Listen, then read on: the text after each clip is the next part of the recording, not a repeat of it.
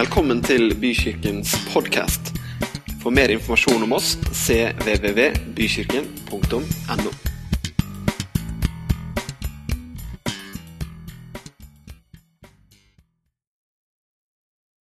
Jeg har vokst opp i en kristen familie.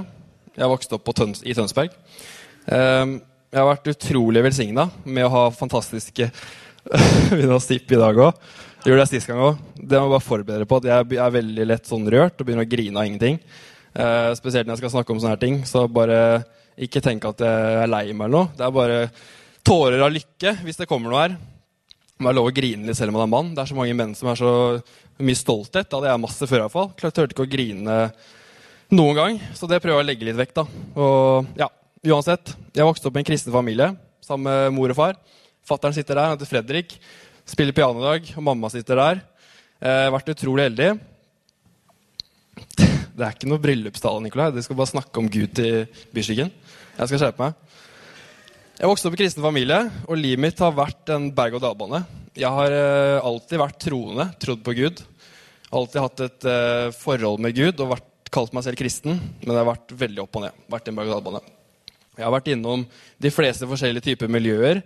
Eh, og livet mitt har gått veldig opp og ned åndelig. Sånn er det vel med de fleste. Vi er jo på en reise hele gjengen, og vi trenger Jesus alle sammen. Uansett, uh, begynner å snakke meg litt bort der. Jeg skal snakke ut fra Romeren i dag. Eh, for dere som har med bok eller bibel, må gjerne følge med. Eh, de som ikke har en bibel, kan gjøre hva de vil. Eh, hvis dere har en bok eller en bibel i papirform, så er det ti plusspoeng når det kommer til himmelen. De som har den eh, på iPhonen sin, det er, også, det er fem plusspoeng. Så jeg bare starter med å be en bønn. Takk, himmelske Far, for at du er hos oss i dag. Takk, Gud, for at eh, Din Hellige Ånd er i dette rommet. Takk for at vi kan merke ditt nærvær. Takk, Gud, for at du bruker meg i dag til å snakke til disse menneskene. Takk, Gud, for at evangeliet er så mye enklere enn hva vi tror. Takk, himmelske Far, for at det handler om at du elsket oss, og ikke at vi elsket deg. Men takk for at vi får muligheten til å elske deg også, Gud. Takk, Far, for at du bare åpner opp hjertene våre nå, forbereder oss på det som jeg skal si gjennom deg. Du skal si gjennom meg. Takker deg for byskikken. Takk for en velsignelse for denne menigheten. Takk for Bent Ove. Takk for den fantastiske, stødige pastoren som vi har. Takk for disse menneskene. Bare velsign dagen deres. Amen.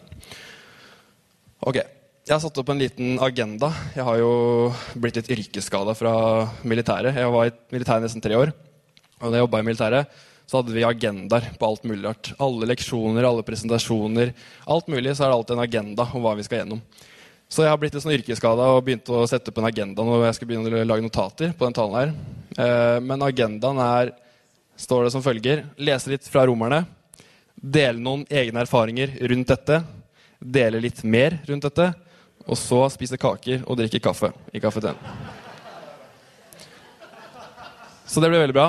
Vi skal begynne å lese litt i eh, Romerne 7 i dag. Eh, kan få det opp på skjermen. Vi begynner i kapittel 7, ja, vers 14. Loven er Det er altså Paulus som skriver der. for de som lurte. Loven er åndelig og god. Vanskeligheten ligger ikke der, men hos meg. Jeg er avmektig og solgt som slave under syndens herrevelde. Ganske kraftige ord å bare få rett i ansiktet liksom, tidlig en søndagsmorgen. Vers 15-16. Jeg forstår ikke meg selv i det hele tatt. Jeg ønsker virkelig å gjøre det som er rett, men jeg kan ikke. Jeg gjør det jeg ikke vil, det jeg hater. Jeg vet godt at det jeg gjør, er galt, og min dårlige samvittighet forteller jo bare at loven er god. Jeg gir loven rett. Noe som kjenner seg litt igjen eller, i historiene? Vi gjør ofte ting som ikke vil, og det vi vil gjøre, det gjør vi ikke. Jeg kjenner meg veldig godt igjen. i hvert fall. Vi skal lese videre. Men jeg kan ikke noe for det. Det er ikke lenger jeg som gjør det, men det er synden i meg som er sterkere enn meg, som får meg til å gjøre dette onde. Vers 18-19. Jeg vet at min gamle, syndige natur er ødelagt. Uansett hvilken vei jeg snur meg, så kan jeg ikke få meg til å gjøre det som er rett. Jeg vil, men jeg kan ikke. Når jeg ønsker å gjøre godt, så gjør jeg det ikke. Og når jeg prøver å la være å gjøre det som er galt, så gjør jeg det likevel. Om jeg da gjør det om jeg da gjør det jeg ikke vil gjøre, er det klart hvor problemet ligger. Synden har meg fremdeles i sitt onde grep. Vers 21-23. Det ser ut til at når jeg ønsker å gjøre det som er rett, så kan jeg ikke unngå å gjøre det som er galt. Min nye natur vil gjerne følge Guds vilje. Men det er noe annet dypt inni meg, i min syndige natur, som er i strid med mitt sinn, og som vinner kampen. Jeg blir slave under den synd som fremdeles er i mitt indre. I mitt sinn ønsker jeg å være Guds vilje tjener, men i stedet finner jeg meg selv slavebundet under synden. Det er en veldig fin måte å starte søndagen på, dere. Lese litt fra kapittel 7. Merker hvordan all håp bare plutselig forsvant. Eller lille lyset som vi så i tunnelen, bare slokna. Vi er fanget av synd. Hva er det her for noe, liksom? Er det ikke gode nyheter som vi skal høre om i kirka? Er det ikke gode nyheter som Jesus kom med? Er det noen der som eh, liker eh, ostepop? Som er glad i ostepop? Hånda opp her hvis du liker ostepop. Yes. Ostepop ser sånn ut. Det er i hvert fall én variant. Jeg elsker ostepop. Eh, jeg elsker sjokolademelk. Jeg elsker smågodt. Jeg liker generelt mye usunn mat. Det meste som er i butikken som ikke er sunt, det liker jeg. Mest sannsynlig. Og hvis det ser usunt ut, hvis det ser ut som godteri, så liker jeg det mest sannsynlig. Um, ja. Ofte når jeg skal hjem og lage middag, så pleier jeg å vandre litt rundt. Og så går jeg kanskje innom matbutikken. Og så pleier jeg ofte å være sulten før jeg skal spise middag. Det er veldig typisk. Og da hender det at jeg går forbi hylla der ostepopen står, tar tak i en ostepop, tar meg ut av butikken og spiser den på vei til middagen. Det slår aldri feil. Det har jeg gjort i alle år, har enda ikke lært av det. Og da er jeg altså mett til når jeg skal begynne å lage middag. Så usunn mat det er noe som eh, er en stor del av meg. Jeg spiser mye usunn mat. Jeg må innrømme det. Vi må være litt ærlig i dag. Det må være lov å være litt ærlig cirka. Nok om det. Eh, Bent Ove har forresten bedt meg om å holde en kostholdleksjon i dag. Det er derfor jeg er sånn, snakker så mye om det. Nei da. Ja, de siste årene så har jeg reist en del eh, på tur. Mye på tur aleine for å fotografere. Dratt mye til Lofoten, som har blitt mitt favorittsted. Og Der sov jeg ute i grøftekanter med soveposen, eller på fjellvidder eller overalt. Og det som kjennetegner litt disse turene, det er faktisk kostholdet mitt. Det er ikke meningen å snakke så om kosthold i dag, eh, men jeg skal nevne litt eksempler rundt det. så dere forstår etter hvert. Men kostholdet mitt på disse turene er helt uh, tragisk. Eh, det er akkurat som jeg forklarte i stad. Det går i ostepop, det går i sjokoladeboller, i sjokomelk og smågodt. Og jeg klarer, eh, energien min går veldig fort opp og veldig raskt ned. Men eh, det, sånn er det bare. Sist uh, tur jeg var på, eller for noen måneder tilbake, så var jeg på tur, og da tenkte jeg at nå skal jeg samle opp alle sjokolademelkkartongene som jeg drikker i løpet av en tur der. Bare for å få en litt sånn reality check og se hvor mye det faktisk ender opp med. Så etter dag én så lå det fire sånne énlitere. Hvis du kan ta ett bilde tilbake. Så lå det fire sånne i passasjersetet. Altså fire liter sjokomelk på én dag. Og så kom dag to. Da lå det fire til. Hvor mange er oppi da? Åtte. Veldig bra. Og så dag tre så lå det fire til. Jeg hadde altså drikket tolv liter sjokomelk. Er du ikke stolt av mamma? Hæ? Veldig bra. Men hva har det her med Gud å gjøre, liksom? Absolutt ingenting. Jeg må bare få det ut. Jeg skal prøve å bli sunn. Nei da, jeg skal linke det opp litt etterpå. Men på, neste, på samme tur så ringte plutselig Edvin på Skype. Det hender at vi skyper litt når vi kjeder oss. Så jeg satt i bilen utafor en matbutikk og skulle handle inn litt eh, dagens eh, fôr. Um, og jeg snakka med Edvin, og han klarte på en eller annen magisk måte å få meg til å ha lyst til å bli sunn. Altså Jeg begynte å tenke skal jeg faktisk droppe ostepopen og sjokomelka. Og Edvin bare snakka sannhet til meg. Så god kompis som han er fortalte meg forskjellige typer ting, forskjellige matting som er sunt for meg, og som vil gi meg stabil energi. Så har Edvin eh, lista opp f.eks. bananer, vann, salat og masse sånne rare ting. Som mange av dere sikkert liker. Ja, altså liker det. Gjør det. Så jeg gikk inn i butikken med hodet heva og tenkte at eh, nå skjer det. Nå er det 180 grader helomvending. Jeg skal faktisk bli et sunt menneske. Jeg bare tenkte ostepopen. Jeg bare så for meg at den lå i søppelkassa. Salaten bare lå nedi magen min og bare ga meg masse energi. Jeg bare så for meg så mye åpenbaringer om mitt nye, sunne liv. Så jeg gikk inn i butikken og tok tak i fem bananer, kasta det opp i kurven, fortsatte innover. Hodet var her. Og jeg bare kikka ikke til siden engang. Fortsatte å gå rundt i butikken og bare kikka etter all sunn mat som Edvin hadde lista opp og sagt det var bra. Salat tror jeg til og med jeg kjøpte. En flaske med vann. Og så gikk jeg forbi sjokomelken, og så tenkte jeg ja, whatever, jeg tar igjen. Jeg tok med en. Men det var greit. Når man skal være så sunn, så må det være lov å være litt usunn. tenkte jeg. Og så gikk jeg ut av bilen, ringte Edvin på Skype bare for å vise han hvor flink jeg hadde vært. Jeg satt og snakka med Edvin, med kamera selvfølgelig, imens jeg satt med en banan trykt oppi munnen. Bare for å liksom vise at jeg hadde kjøpt masse sunn mat. Så Edvin var stolt av meg. Veldig bra, Nikolai. Tommel opp fikk jeg av Edvin. Eh, og det var god stemning. Og jeg, ja, jeg var rett og slett blitt et sunt menneske. Fram til eh, det hadde gått ca. syv timer. Så sto jeg utafor en ny matbutikk og skulle hamstre inn dagens fôr. Og så eh, faller jeg på fristelsen. Tar tak i ostepopen og smågodtet og sjokomelka. Og til og med to sjokomelker tror jeg tok. Og begynte å trøkke i meg masse søppel. Altså junkfood. Det er jo junkfood. Det er ikke noe annet enn det. Så jeg klarte rett og slett ikke å holde på de rutinene som jeg hadde lagd meg selv. Jeg tenkte at nå skal jeg sette gode rutiner, skal ta gode valg. Jeg skal bli et godt og sunt menneske, akkurat som Tabita, som er prakteksempel på hvordan å leve sunt. Hun får liksom de rareste tingene. Pizza til å se Altså sunn pizza. Bare lager sånn kreativ, sunn pizza. Og lager masse juicer, og det er liksom ikke måte på hvor mye sunn mat hun lager. Så hvordan vi havna i samme familie, det veit jeg ikke. Men uh, jeg, synes i hvert fall, ja, jeg ser veldig opp til den der, selv om jeg ikke har fått en sånn åpenbaring på ennå. Å bli sunn. Kommer sikkert etter hvert. Ja. Ehm, jeg husker en annen tid i livet mitt hvor jeg skulle begynne å trene. Jeg skal ta den historien kjapt. Jeg skulle få sixpack. Ehm, jeg skulle bli superutholden. Litt sånn Northug eh, Eh, stil og bare var ikke måte på. Så jeg fikk nye treningssko til bursdagen min og begynte å trene. Og tok tak i livet mitt, tok gode valg. Og denne gangen også følte jeg meg som en nydelig mann. Jeg var på vei mot en god vei. Og, så og så tok det to uker, og så var jeg ferdig. Da tenkte jeg at uh, trening er virkelig ikke en del av mitt liv. Jeg tror ikke jeg trenger det her. Jeg vil heller bruke tida på andre ting. Som å sove eller ta bilder osv. Så, videre. så Ofte kan jeg sitte og se på sånne motivation-filmer på YouTube. Er det noen som har sett på det før? Hvor det er sånn skikkelig pumpa musikk, og så hører du bare You are not gonna give up! I en eller annen uh, motivation-fyr som snakker. Så Du skal se på en liten film av noe som bare Ja, jeg kan snakke mer om det etterpå. Uh, jeg blir helt sånn derre Jeg får vondt i magen. Jeg har jo lyst til å være sånn her. Jeg har lyst til å gjøre det han ber oss om å gjøre. Men jeg klarer det ikke. Det er liksom klin umulig. Så hvorfor klarer jeg ikke det? Det, her, altså det høres ut som jeg står her og bare snakker tull.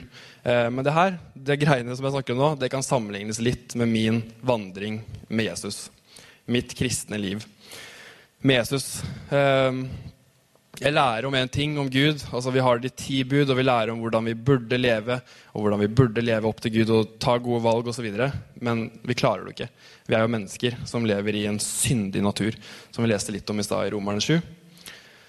Så hvis du kan se på mitt, eller jeg kan beskrive litt mitt holdt på å si, kristenliv, eller spesielt litt tilbake i tid, så gikk det veldig på kunne dra på kristne møter.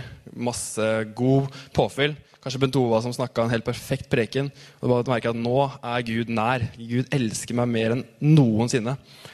Og så kommer eh, mandagen, og du bare tenker ja, jeg skal jo fortsette å holde på de rutinene, men du går litt fram og tilbake, litt fristelser her og der.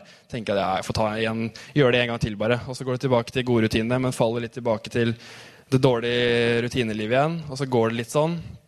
Plutselig er du på møte igjen på søndagen, og du får nytt påfyll og tenker at nå skal jeg prøve enda hardere. Denne gangen så funker det. Nå kommer Gud til å elske meg mye.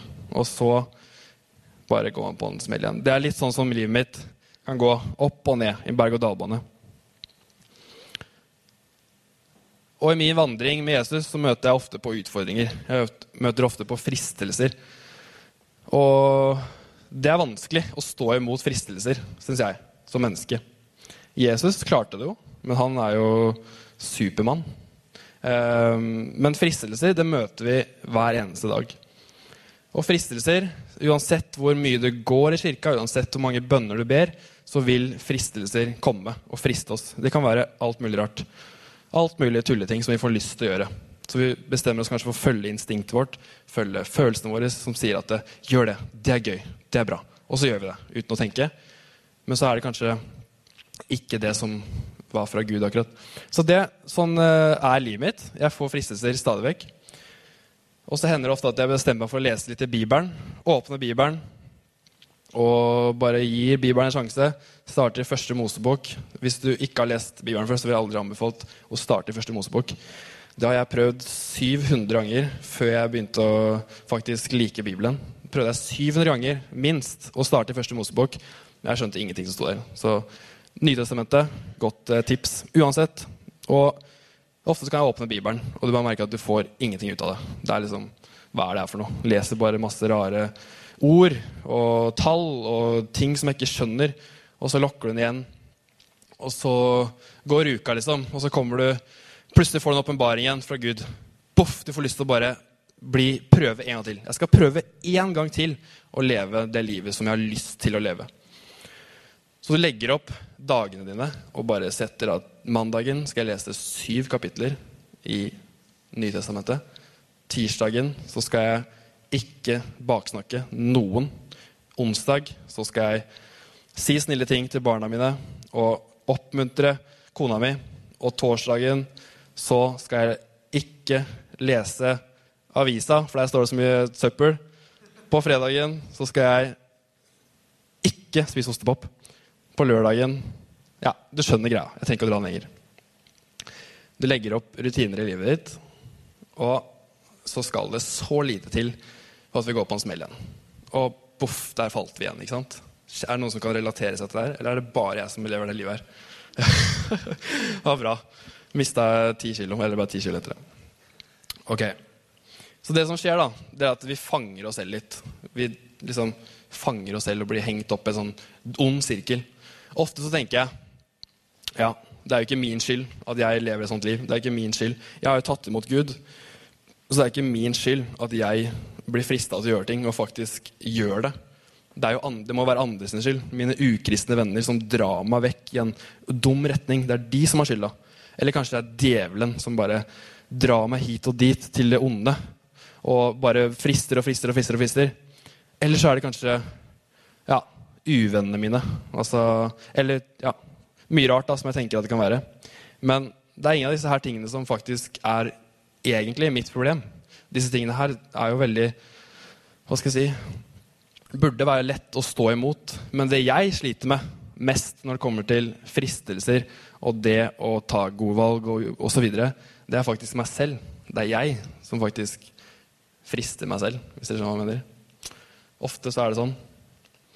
Gud er ikke en som frister oss, eller en som legger opp til at vi skal tråkke feil. Uh, Gud er ikke en som prøver å teste oss for at vi skal vokse, eller liksom, hva skal jeg si, legge opp til at vi skal tråkke feil, gjøre synd for at vi skal vokse. Det er oss selv som gjør det.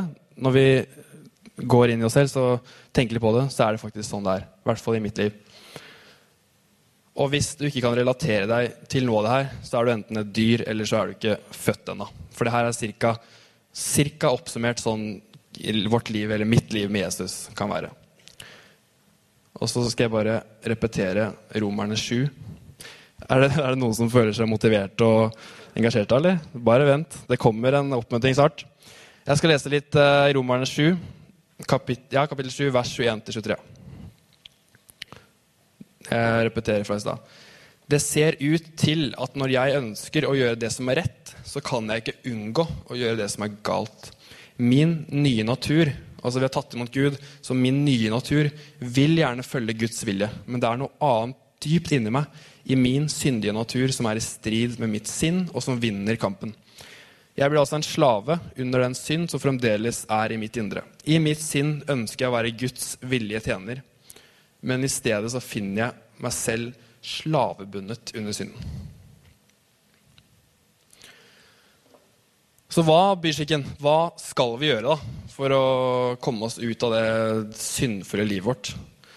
Jeg ser jo på meg selv, og jeg er jo en synder. Vi er alle syndere. Og vi, jo, vi fanger oss selv i synden. Så Kanskje vi skal slutte å synde. Eller ja, bare en gang til, og så er jeg ferdig. Eller jeg skal prøve enda hardere denne gangen. Men man kommer jo alltid tilbake og bommer på målet. Så hva er, eh, hva er planen vår? Hvordan skal vi klare å leve opp til Guds standard? Altså de ti bud. Hvordan skal vi klare å leve opp til det når vi aldri klarer å Eller jeg bare irriterer Jeg må bare si en kjapp historie. når jeg kom på det nå. Eh, ofte når bussen til Oslo S fra der jeg bor, på Sagene, så kan jeg sitte og irritere meg over mennesker som skal av på busstoppene. Altså, I mitt hode så vil jeg at bussen skal kjøre direkte til uh, Oslo S. Og så blir jeg irritert at folk faktisk skal av forskjellige stopp.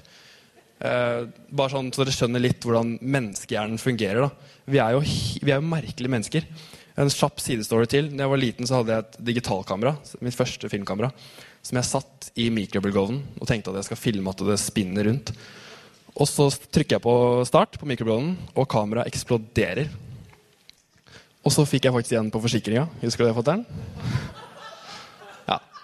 Det var litt off topic. Ja. Vi er jo altså, holdt på å si ubrukelige. Misforstå meg rett. Vi er jo ubrukelige. Vi trenger noe som hjelper oss her. Fordi i oss selv så finnes det ingen kraft til å endre oss selv.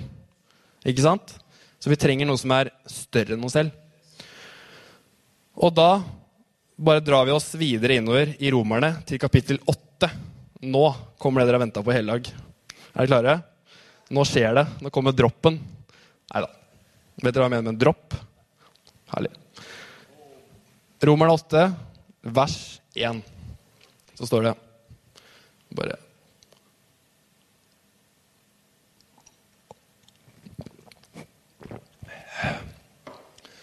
Så står det Så er det da ingen fordømmelse for dem som er i Kristus Jesus. Skal vi, skal vi lese det sammen?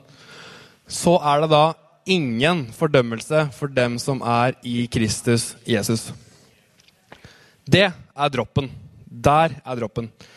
Men vi fortsetter å lese, for det er mer rundt det her. For livets ånds lov har i Kristus Jesus frigjort meg fra syndens og dødens lov. Altså, hvis dere setter inn i hva det her faktisk betyr, så er det bare helt sykt gode nyheter. Altså, vi er fulle av synd. Vi er syndfulle mennesker som lever i en syndfull verden. Men vi er faktisk satt fri og tilgitt av Gud fordi at det ikke er noen fordømmelse for dem som er i Kristus Jesus. Vi fortsetter å lese vers 3-4.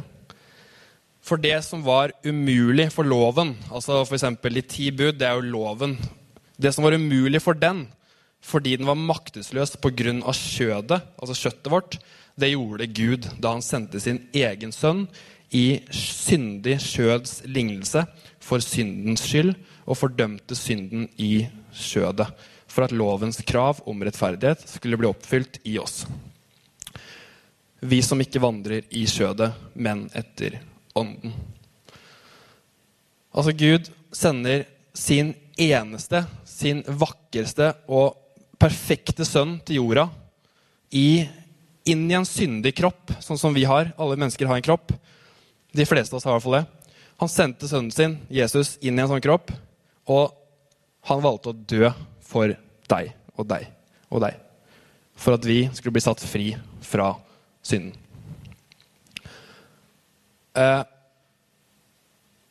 ja, vers 56. For de som er etter kjødet, lyster det som hører kjødet til, altså kjøttet. Men de som er etter ånden, de som lever og går i ånden, lyster det som hører ånden til. For kjødets lyst er død, men åndens lyst er liv og fred.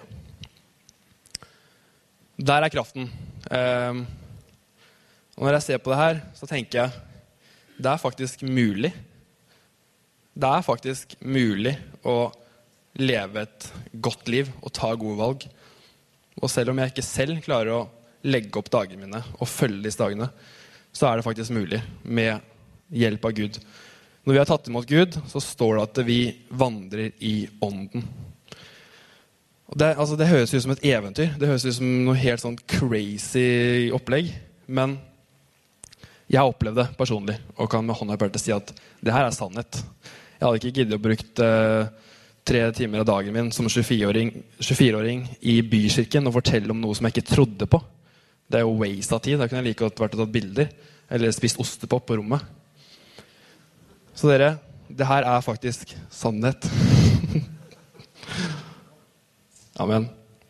Men hva betyr da? Hva betyr det her om synd? Altså, Vi er jo fortsatt syndfulle. Betyr det at vi bare kan eh, dra og synde så mye vi vil? Vi kan gjøre akkurat hva vi vil. Fordi Gud har jo et eh, visakort som han sveiper hver gang vi gjør en synd. Er det sånn det er? Jeg veit ikke. Er det det? Jeg tror ikke det. Kanskje. Vi leser videre, eller gjentar vers 5 og 6. Kapittel 8. For de som er etter kjødet, altså kjøttet vårt, lyster det som hører kjøttet til.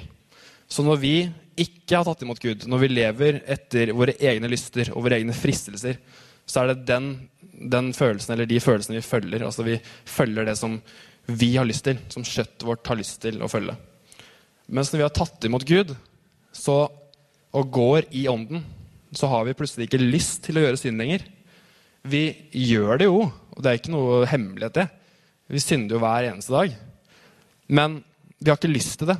For når vi vandrer i ånden, så vil Gud backe oss og hjelpe oss til å faktisk klare å gå i takt med Han. Og ikke falle hele tida, selv om vi gjør det ofte. Det er litt sånn psykologisk tankegang at vi må bare Ofte så tenker jeg på det, og så forstår jeg det. på en måte.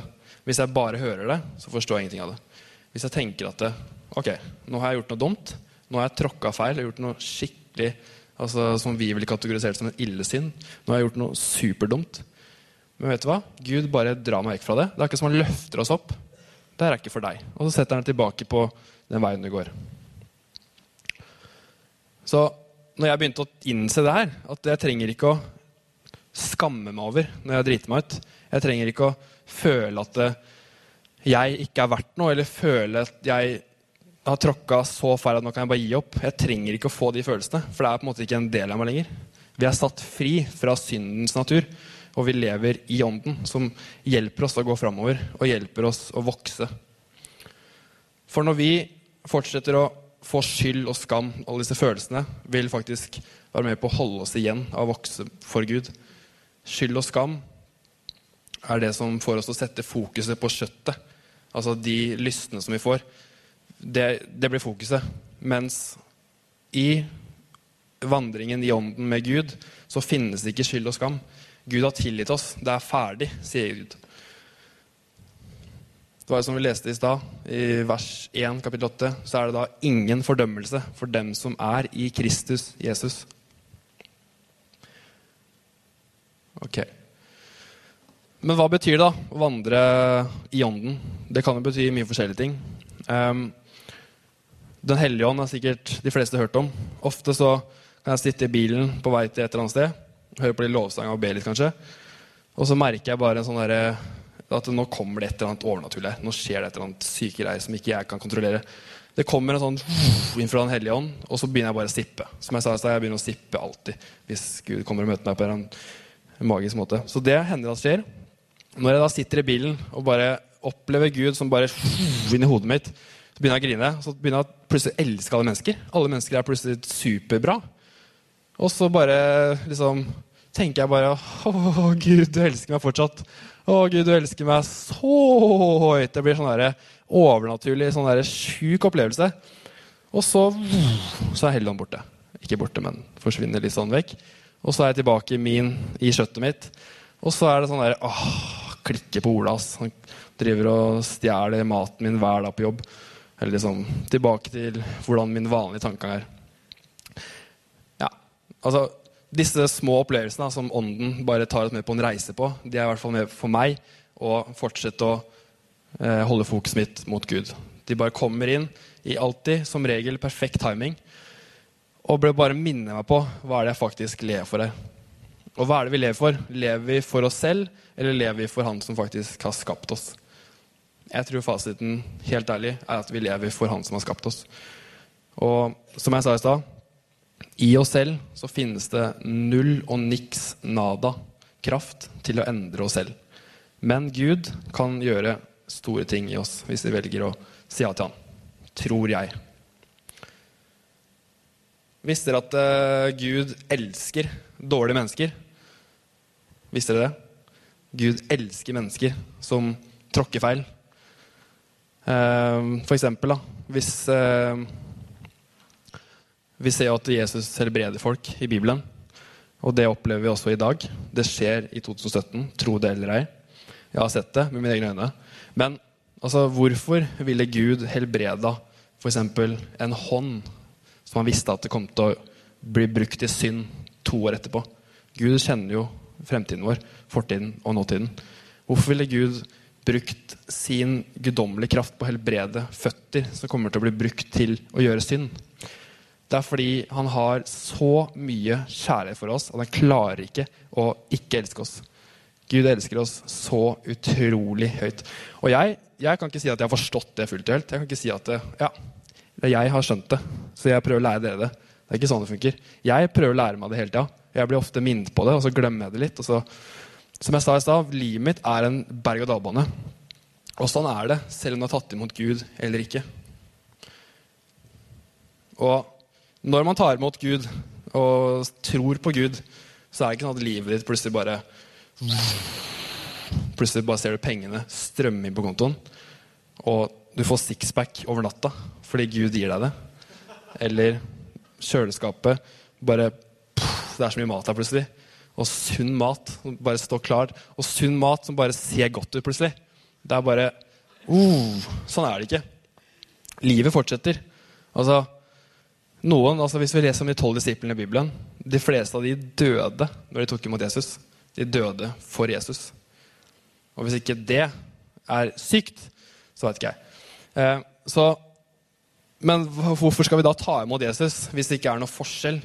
Det som er forskjellen på å ta imot Jesus og ikke ha tatt imot Jesus, det er faktisk liv og død, hvis dere ikke visste det. Um, så jeg vet at de ordene jeg bruker nå, er ganske store og mektige. Og jeg skjønner ikke selv helt hva det betyr, men jeg vet at det er sant. At når vi tar imot Gud, så går vi faktisk fra å være et dødt menneske som lever i kjøttet, til å bli levende og gå i ånden med Gud.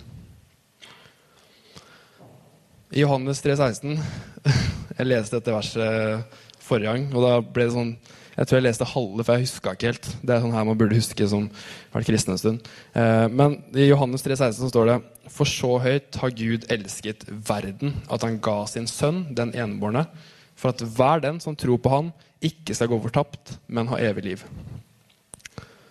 Så det står ikke at det, for så høyt har Gud elsket de som ikke synder. Det står ikke det. Det står at han elsker verden. Og verden er jo full av onde, onde folk som gjør mye rart. Men Gud elsker de like mye som han elsker oss. Så vi går ikke i kirken eller ber til Gud eller leser i Bibelen fordi vi må, eller fordi vi vil at Gud skal bli fornøyd med oss, eller at, skal, eller at Gud skal elske oss mer. Vi går her fordi vi har lyst, fordi vi vandrer i ånden. Og det gir oss lyst til å bli kjent med Gud. Og for å bli kjent med Gud, så må vi bruke tid med Gud. Hvordan blir du ellers kjent med et menneske? Det er akkurat på samme måte. Når du bruker tid med Gud, så vil du bli kjent med Gud. Men Gud elsker deg uansett like mye. Hvor mye tid du bruker med han eller ikke. Det er som Martha og Maria-historien, hvor Martha stresser og jobber. Mens Maria bare sitter der og lytter og bare suger til seg all informasjon som Jesus kom med. Og bare blir kjent med Gud. Noen sesonger i livet så trenger vi en sånn tid, tror jeg. Bare sitte og ta imot og la Gud elske oss. Ja. Det er litt, uh, Jeg har brukt litt uh, kortere tid enn jeg skulle, kanskje. Eller lengre tid. jeg vet ikke. Hvor mye tid er det jeg har igjen? En time igjen. Yes. Da skal vi gjøre noen øvelser her. Nei da, vi skal ikke det. Så ikke skrem dere. Eh, jeg har en film som jeg tenkte å vise. Eh, rekker vi det? Ja.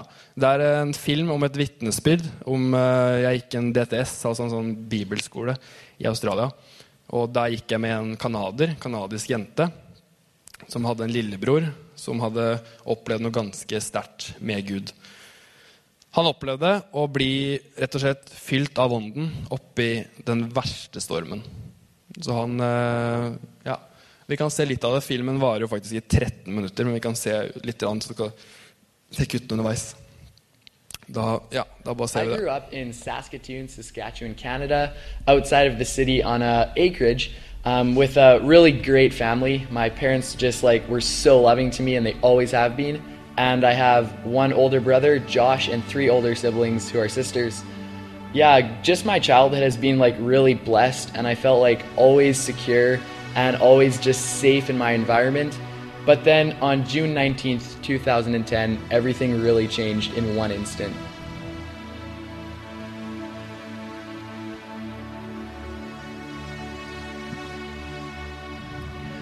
Me and my family went to a goodbye party for some family friends for one of their daughters who was headed to Indonesia. As we were there, I was getting a bit bored, and I'm someone who really likes to always be doing things or be adventuring and stuff like that. And so I went into a room that really interested me, and mostly because there was three rifles leaning up against the wall in this room. Now this family was a hunting family and so was my family and so I was used to holding guns and used to it but I was only 13 and I didn't know everything about guns. And um, I'd actually been to this house just weeks before playing with one of the boys and um, we had been dry firing the rifles um, just like around the property and just pretending we were like cops and robbers and just playing boy games. And so I just went into this room here and um, yeah, I picked up a 22 caliber rifle and um, yeah, I just started like aiming it around, and like I love looking through the sights of guns, and so I was just aiming it around, having fun. And I wanted my brother to see, so I went and got my brother, and I was like, "Hey, come take a look at these." And so he came in, and he was just looking at them, and he's like, "Yeah, they're pretty sweet." And he was 23 years old, so he'd seen guns before, and he was a hunter, so he kind of just left after a bit. But I wasn't quite done. I just loved holding guns and stuff, and so I picked up this one again and I was just aiming it around the room and I was pulling the trigger. Um, and I just wanted to hear the click sound that when you dry fire a gun. So I cocked the gun and um, I was just going wall, wall, wall. I was aiming it around and then I was at the door and boom! I just, yeah, I heard a boom and I was just like, what just happened? I just focused my eyes past the sights and I saw my brother fall and hit the ground on his knees and he just yelled, Mitch, and in that moment, I just really realized that someone had left a bullet in the gun. And that, like, I was just so confused. It shocked me so much. And I just threw the gun on the bed and um, I just started screaming my guts out. And I ran out of that area, and my brother had totally collapsed, and I saw blood everywhere. And I just couldn't believe that there was a bullet left in the gun.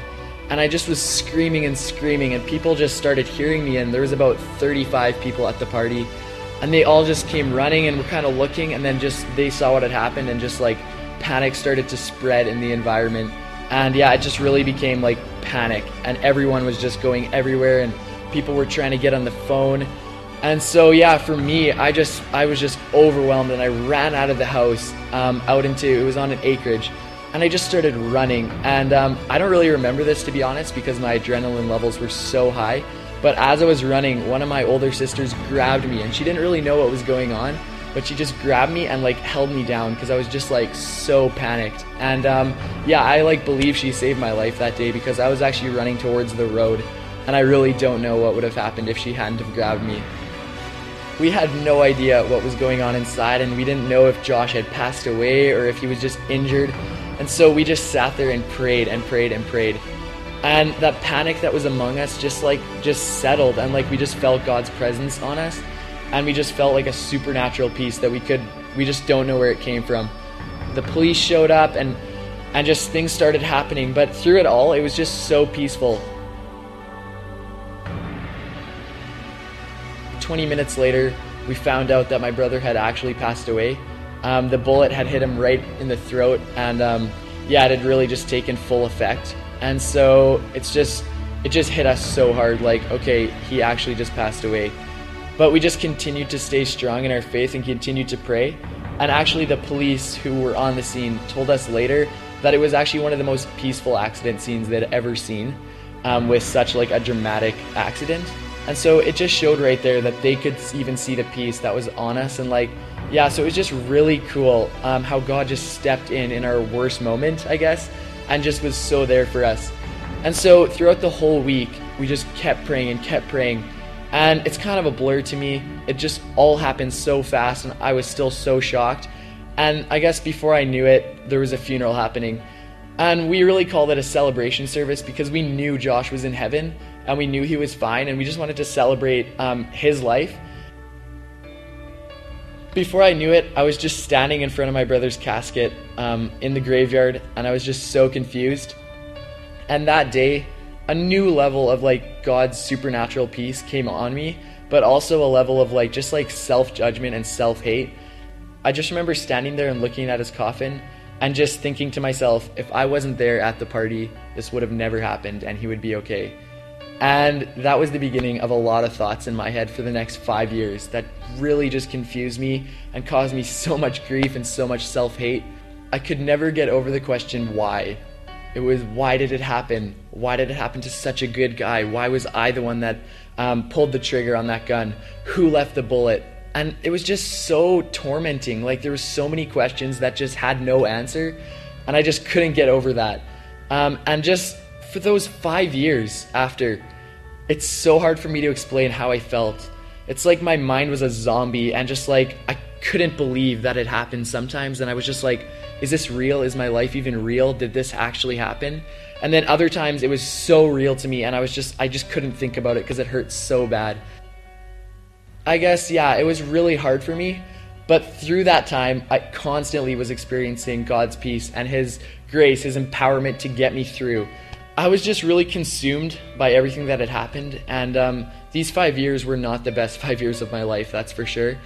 Um, I was just always struggling with feeling judgment for myself, and I was scared if other people found out, what would they think of me? Would they judge me?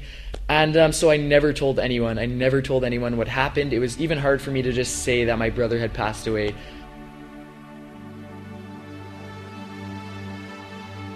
After about five years of constant torment and just like self hate and self judgment, my life totally changed again.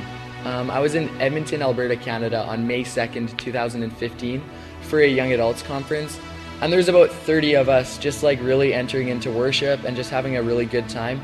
And um, my young adults pastor, Derek, who was actually my brother's best friend, just came up to me and just started praying over me and um, just like started praying restoration and healing into my life. And he'd done this like many times before, but this time I just felt something like shift inside of me. And all I wanted was like complete healing from all this pain that I was um, just dealing with.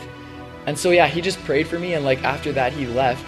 And I was just like really entering into God and just like seeking God's face and a girl came up to me who was my age that I, I just never met her before and she just asked if she could tell me something and so i just said of course go and she just said i see souls and i see your brother and he's totally fine and he forgives you and i don't know what this means to you but yeah he just says you're so strong and he forgives you and then she just stopped turned around and just like kind of left and i've never seen her again since then and all I could say, I just stood back and was just like, oh my goodness, thank you, God. Like, yeah, God had just spoken to her and shown her that. And it just like really hit home for me that like, he's totally fine. And I, I believe that he's in heaven and I believe that he's okay.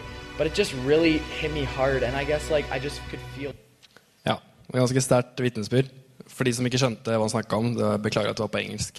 Men uh, han uh, opplevde å ved et uhell trekke avtrekkeren på en rifle og treffe broren sin i halsen, som døde. Og oppe i en kaotisk situasjon hvor det var blod og gørr og helt kaos oppi hodet hans, så opplever han hvordan Gud bare helbreder han oppi en så ille situasjon. Så det er jo litt sånn kult å tenke på at vi kan, hvordan det er å vandre i ånden. Hvordan Gud kan bare transformere en helt forferdelig situasjon og bare gjøre noe utrolig kult ut av det. Eh, det vitnesbyrdet der har blitt delt overalt i hele verden nå. Og folk bare liksom tar imot Gud bare ved å høre på hans historie. Så det er ikke noe tvil om at det, er en tragisk situasjon, men Gud har virkelig gjort noe bra ut av en tragisk situasjon. Det er ikke noe du får gjort. Han er jo død og oppe i himmelen, men Gud gjør mirakler ut av historien. Så det er utrolig kult. Så hvis pappa kanskje vil komme og spille litt, eller noe sånt så kommer kanskje en hellig ånd og litt sånn. Nei da. Men uh, hvis vi bare kan lukke øya, så skal jeg bare be en bønn for oss. Takk, himmelske Far, for at du er med oss i dag. Takk for denne dagen. Takk for de neste dagene som kommer. Gud, jeg takker deg for alle menneskene som bare er tørste på mer av deg, Gud. Jeg bare takker deg for at du ser alle disse menneskene som faktisk lengter etter å bare få mer av deg og mer av din hellige ånd i livet sitt. Så Gud, jeg bare ber om at du kommer og møter disse menneskene nå, som bare vil ha mer av deg, men de skjønner ikke hvordan de skal få det. Så Hellige ånd, bare kom og møt dem akkurat nå, far.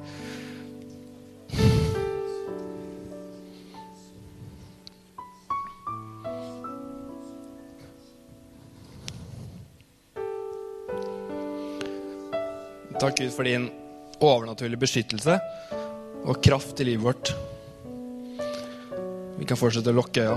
Hvis det er noen her i dag som ikke har tatt imot Gud, som har lyst på det her livet, som har lyst til å tro, så vil jeg spørre deg om du har lyst til å rekke opp hånda di når jeg teller til tre. Så kan du bare Det er bare en måte å si ja til Gud på hvis du har lyst til det. Hvis du har lyst til å vente litt, så gjør du det, men det er opp til deg. Hvis du har lyst til å telle jeg bare til tre, og så skal jeg be en bønn for dere etterpå. Én, to Gud elsker deg. Tre. Ja. Gud, jeg takker deg for alle menneskene som sitter og har lyst på deg, som bare lengter etter å ta imot deg. Lengter etter noe som fyller tomheten i livet sitt med. Jeg ber deg, Gud, om at du møter disse menneskene og bare fyller det opp. Og så takker vi for at du er alltid trofast og alltid stødig, noe vi ikke er. Takk for når det stormer rundt oss, når det er kaotisk og vi bare opplever så mye forferdelige ting som skjer rundt oss. Takk Gud for at midt oppi disse tingene så kan vi bare feste blikket vårt på deg og bare få helbredelse, Gud. Og bare kraft til å stå i og ikke gi opp. Takk for at du er med oss, Gud.